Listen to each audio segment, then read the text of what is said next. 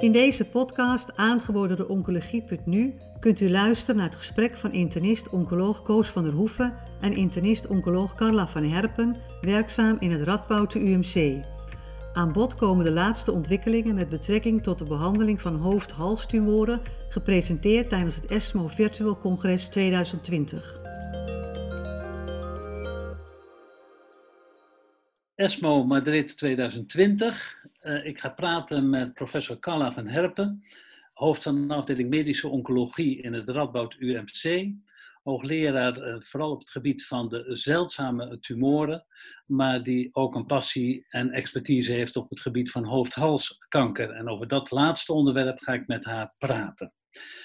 Uh, Carla, welkom.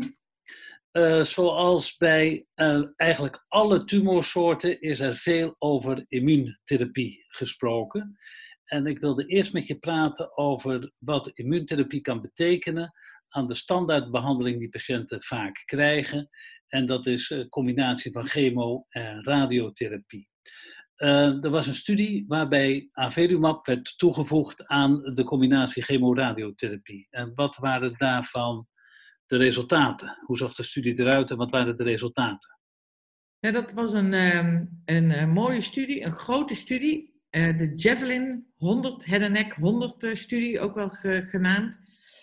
En het fijne was dat dat eigenlijk de grootste studie was die gebracht werd. Een mooie fase 3 met 350 patiënten versus 347 patiënten. En de ene helft kreeg chemoradiotherapie, dus gewoon de standaard en de andere helft kreeg chemoradiotherapie met toevoeging van avelumab.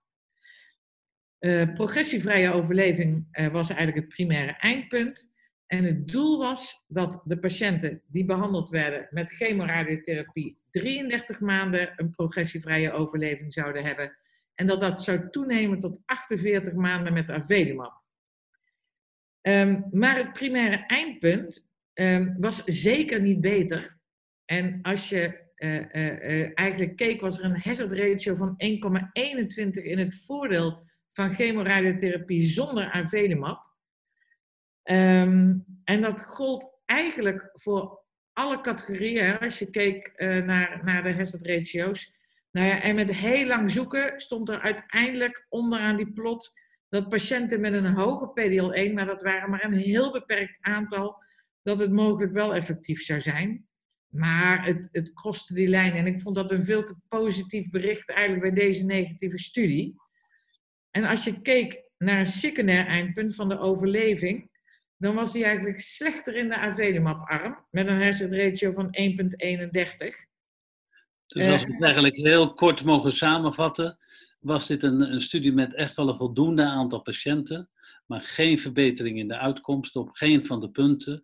Dus dit is niet the way to go. Nee, klopt helemaal. Als ik dan naar een volgende ga, soms krijgen patiënten in plaats van chemotherapie uh, bij de radiotherapie uh, cetuximab. En er werd ook een studie gepresenteerd waarbij de cetuximab vervangen was door pembrolizumab. Was dat dan wel zinvol? Nee, dat, is, dat was een veel kleinere studie. En dat was de eerste oral. Dus het leek alsof dat het grootste nieuws was. Nou, ik, ik, ik dacht van als dat het grootste nieuws is, dan kan ik bijna stoppen met kijken want de studie liet zien, was een Franse studie, een kleine studie, met 66 versus 67 patiënten. Dus waar hebben het over? Een gerandomiseerde fase 2. En daar werd eigenlijk voor patiënten die niet fit waren voor chemotherapie, tegelijkertijd met radiotherapie, dus die in aanmerking kwamen voor cetuximab radiotherapie, die werden gerandomiseerd cetuximab radiotherapie versus pembro radiotherapie.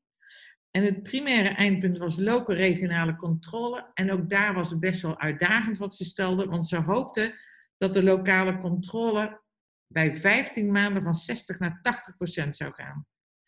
En wat unfit was voor chemoradiotherapie, dat werd eigenlijk niet zo goed verteld. Maar dat, het was een Franse studie en dat was zeer breed, kan ik je zeggen. Want de Fransen geven veel cetuximab radiotherapie, dus veel breder dan wat wij vinden. En wat er eigenlijk eh, gezien werd, dat dus bij die 133 gerandomiseerde patiënten, dat de um, loco-regionale controle precies hetzelfde was. Ze hadden het dus wel goed geschat, 59 versus 60 procent.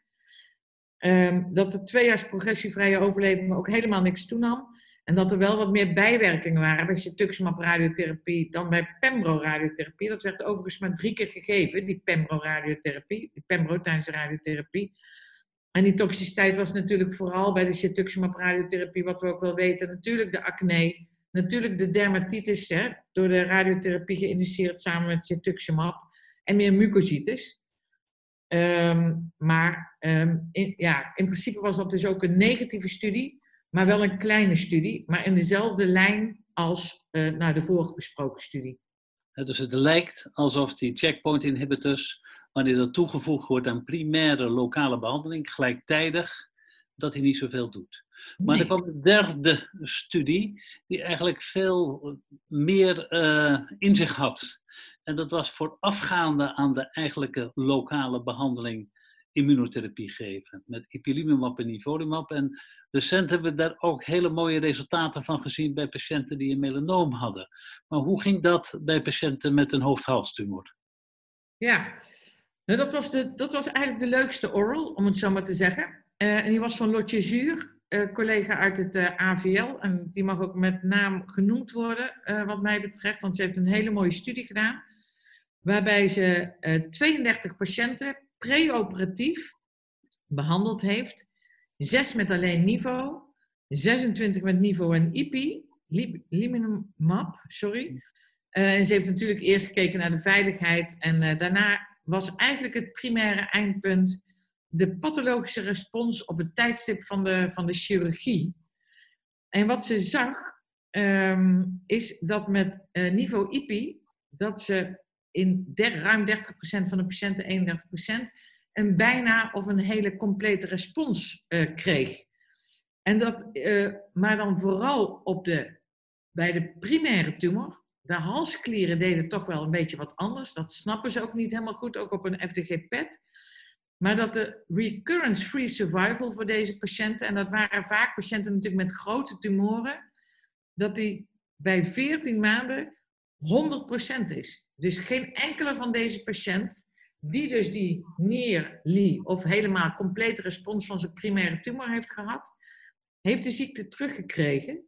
Ja, en dat vergelijken ze met historische controles, recente historische controles, gematcht voor, um, voor het stadium. Ja, dan is dat natuurlijk lager, want dat weten we van deze groep, dat die natuurlijk veel vaker uh, uh, een recurrence hebben.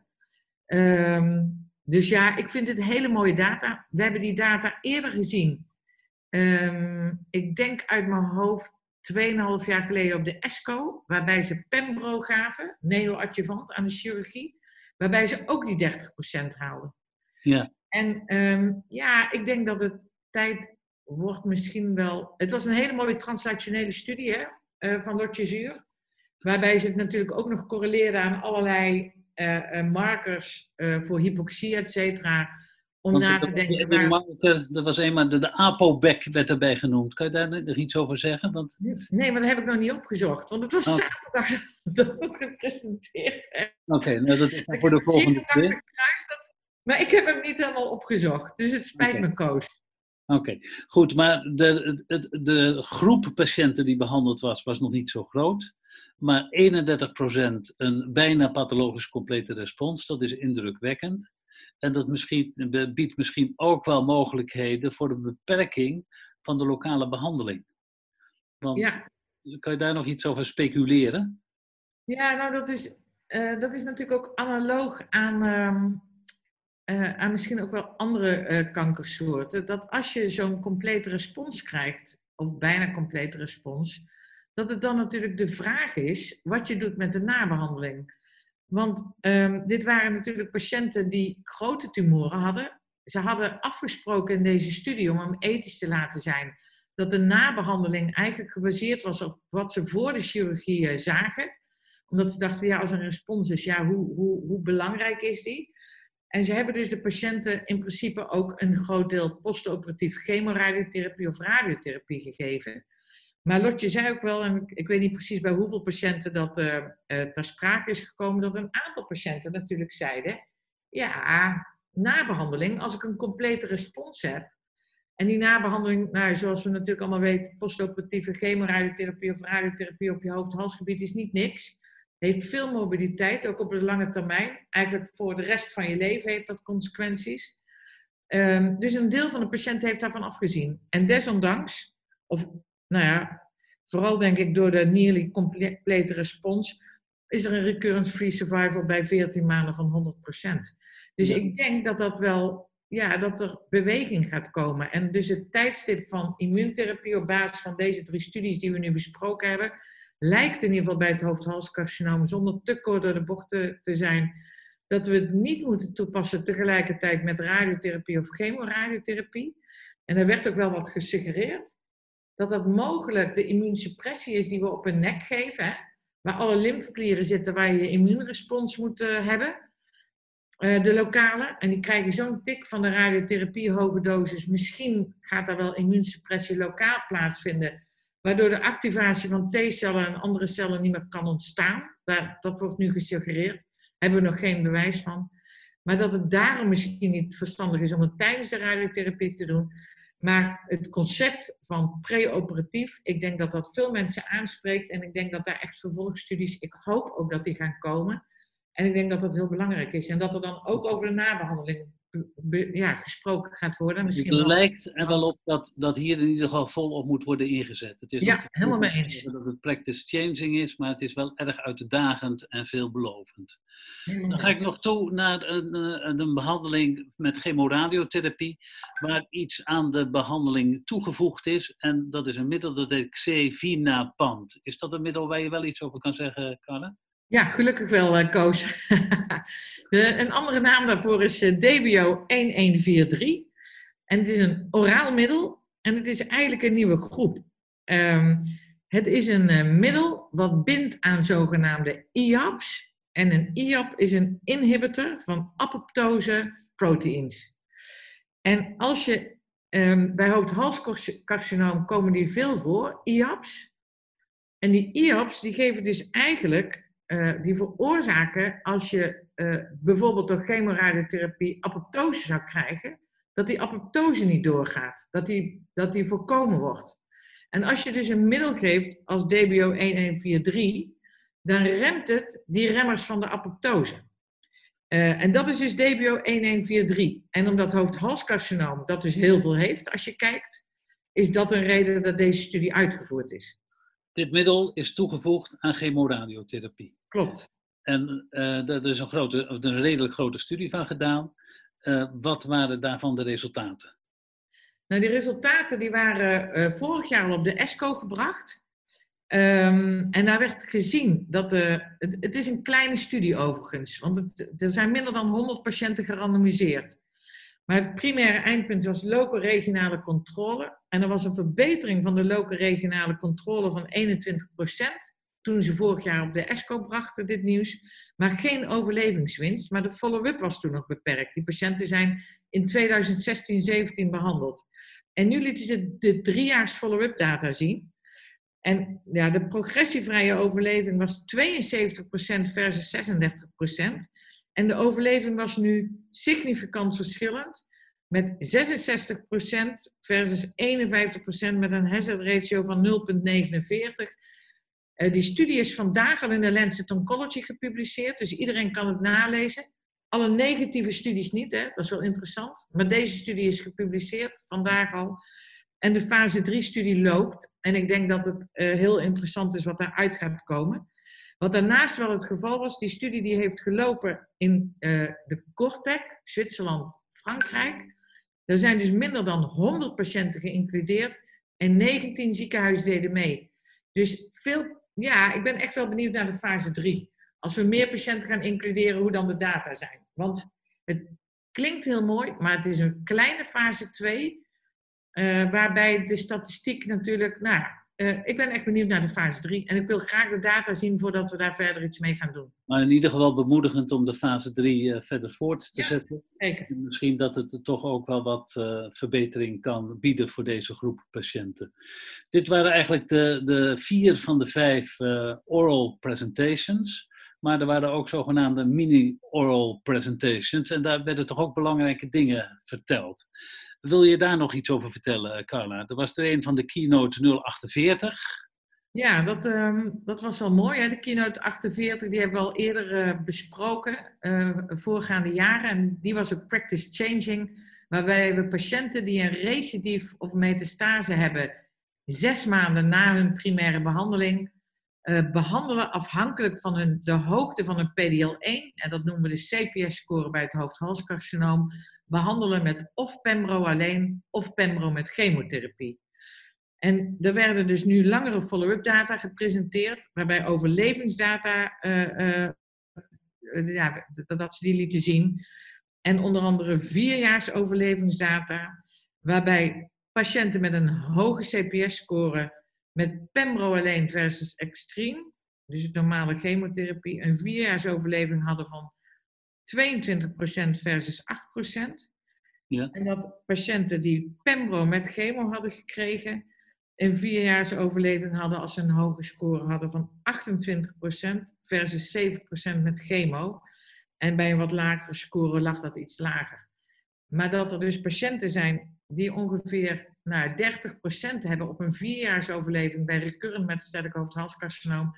Ja, dat is echt, uh, echt Dat is niet wat je vier jaar geleden niet had durven denken. Nee, en nee. En ik vind het echt fantastisch nieuws voor hoofdhalscarcinoompatiënten. Oké. Dan uh, waren er ook nog gegevens over het gebruik van nivolumab in the real world bij hoofdhalspatiënten. Ja, dat klopt. En dat was wel heel mooi, want dat, dat uh, vulde wel aan, ook de gedachtevorming. Dat was een, uh, een onderzoek waarbij ze ruim 340 patiënten hadden gevolgd, follow-up, median, mediane follow-up van twee jaar. En ehm, dat is dus nivolumab vooral bij patiënten die binnen een half jaar na chemoradiotherapie een recidief hadden. En daarbij bleek dat de real-world data eigenlijk heel erg overeenkwamen met de data die we hadden uit de Checkmate 141-studie. Uh, dus dat is fijn. Maar dat er duidelijk gezien werd dat vrouwen het beter deden qua overleving en beter respondeerden. En patiënten die alleen metastase op afstand hadden. Ja. Dus die lokale recidieven, en dat weten we eigenlijk ook uit de keynote 48, al wisten we ook niet precies hoe dat nou allemaal kwam. Maar het lijkt erop dat patiënten met een lokaal recidief van hun hoofd-halscarcinoom, dat het lokale recidief het minder goed doet dan de metastase op afstand. Ja. En waarom dat zo is, uh, en of er een, toch een immuunsuppressieve omgeving is in dat hoofd-halsgebied, die moeilijker te doorbreken is. En in hoeverre die plaatselijke lokale radiotherapie bij deze patiënten dan in het verleden een rol speelt, dat durf ik niet te zeggen. Maar dat is wel waar we natuurlijk aan denken. En wat is er nou nodig om lokaal ook die patiënten te laten reageren? En als je dan nog zegt van, goh, wat zou dat voor consequenties hebben voor, uh, voor de praktijk? Nou, waar wij toch um, ook wat wij wel zien in de praktijk, onze real world, en we behandelen toch meer en meer patiënten met immuuntherapie bij het hoofd-halscarcinoom, is dat ook al hebben ze een hoge CPS-score en alleen Pembro kunnen krijgen, dat we toch vaak zien dat het lokaal dan niet goed gaat. En onze neiging bestaat, maar dat is dus niet nu wetenschappelijk bewezen, maar er zijn dus wel aanwijzingen. En we hebben die ruimte ook, want zo is Pembro ook geregistreerd, ook bij de commissie BOM, dat patiënten die we een lokaal recidief ook hebben, en we gaan ze behandelen met eerste lijns immunotherapie, dat we geneigd zijn om daar chemo aan toe te voegen. Zoals we dat dus ook bij het niet-kleincellig bronchuscarcinoom, waar dat meer en meer gebeurt. Um, en ik, nou, het, het, bepaalt onze gedachten in ieder geval, uh, om dat meer en meer te gaan doen. Oké, maar dat zijn gedachten. Wat in ieder geval geruststellend is, is dat die nivolumab in real world eigenlijk dezelfde resultaten bij deze patiëntengroep laat zien als in de studies. Ja. Dan wil ik nog een laatste onderwerp en dat is een, eh, een, eh, een, een eh, dat zou je niet onplezierig vinden. Ik wil nog met je praten over het adenoïdkistelijk carcinoom van de speekselklier. Jij bent daar specialist in. ik denk dat je bijna alle patiënten in Nederland daarmee gezien hebt, maar daar waren ook mededelingen over tijdens de ESMO. Ja, dat klopt. Um, want um, we weten dat die, uh, we noemen ze ook wel ACC, die amyloïdkisteuze dat die um, niet één groep zijn. En iedereen weet dat ook wel. Want als patiënten met een ACC uh, eh, uitzaaiingen krijgen, metastase krijgen, de een uh, is binnen een half jaar overlijdt die, maar er is ook een hele groep die tien jaar of langer leeft. En een groep die er tussenin zit. En in ieder geval is aangetoond dat notch-mutaties, in notch 1 tot en met 4 heb je, dat dat een uh, aparte categorie patiënten is. En dat is vaak de categorie patiënten die onder je vingers weg, uh, uh, ja, wegglijdt, om het zo maar te zeggen. Die heel snel progressief zijn. Die hebben ook vaak lever, vaak botmetastase, breken het, het ene na het andere bot. Um, en op een gegeven moment herken je ze bijna klinisch, om het zo maar te zeggen. Zo agressief beloop hebben ze. Nou, die notch gemuteerden, daar hebben we nu een studie voor. Met de AL101. De Ayala-studie heet die ook wel. Um, en daar werden data gepresenteerd al van die fase 2 door uh, eh, MD Anderson. En wij doen ook mee aan die studie. Waarbij de, uh, de disease control rate 68% is. Waarbij er, um, nou moet ik even uit mijn hoofd zeggen, ongeveer 30% responsen zijn. Ja, en dat is heel opmerkelijk, want normaal het ACC zonder zo'n notch-mutatie, en dat weet ook wel iedereen, dat respondeert niet zo snel. Op geen enkel iets. En dat we dit dus zien bij die notch-mutaties, um, wat een hele agressieve ziekte is, is denk ik heel erg mooi. En um, ja, die fase 2 loopt door. En mijn vraag is ook, veel mensen weten het niet. Het zit ook niet in alle panels die we doen van uh, NGS. Notch, je moet daar apart naar kijken. Het is een ingewikkeld gen. Maar de vraag is dus wel een oproep bijna.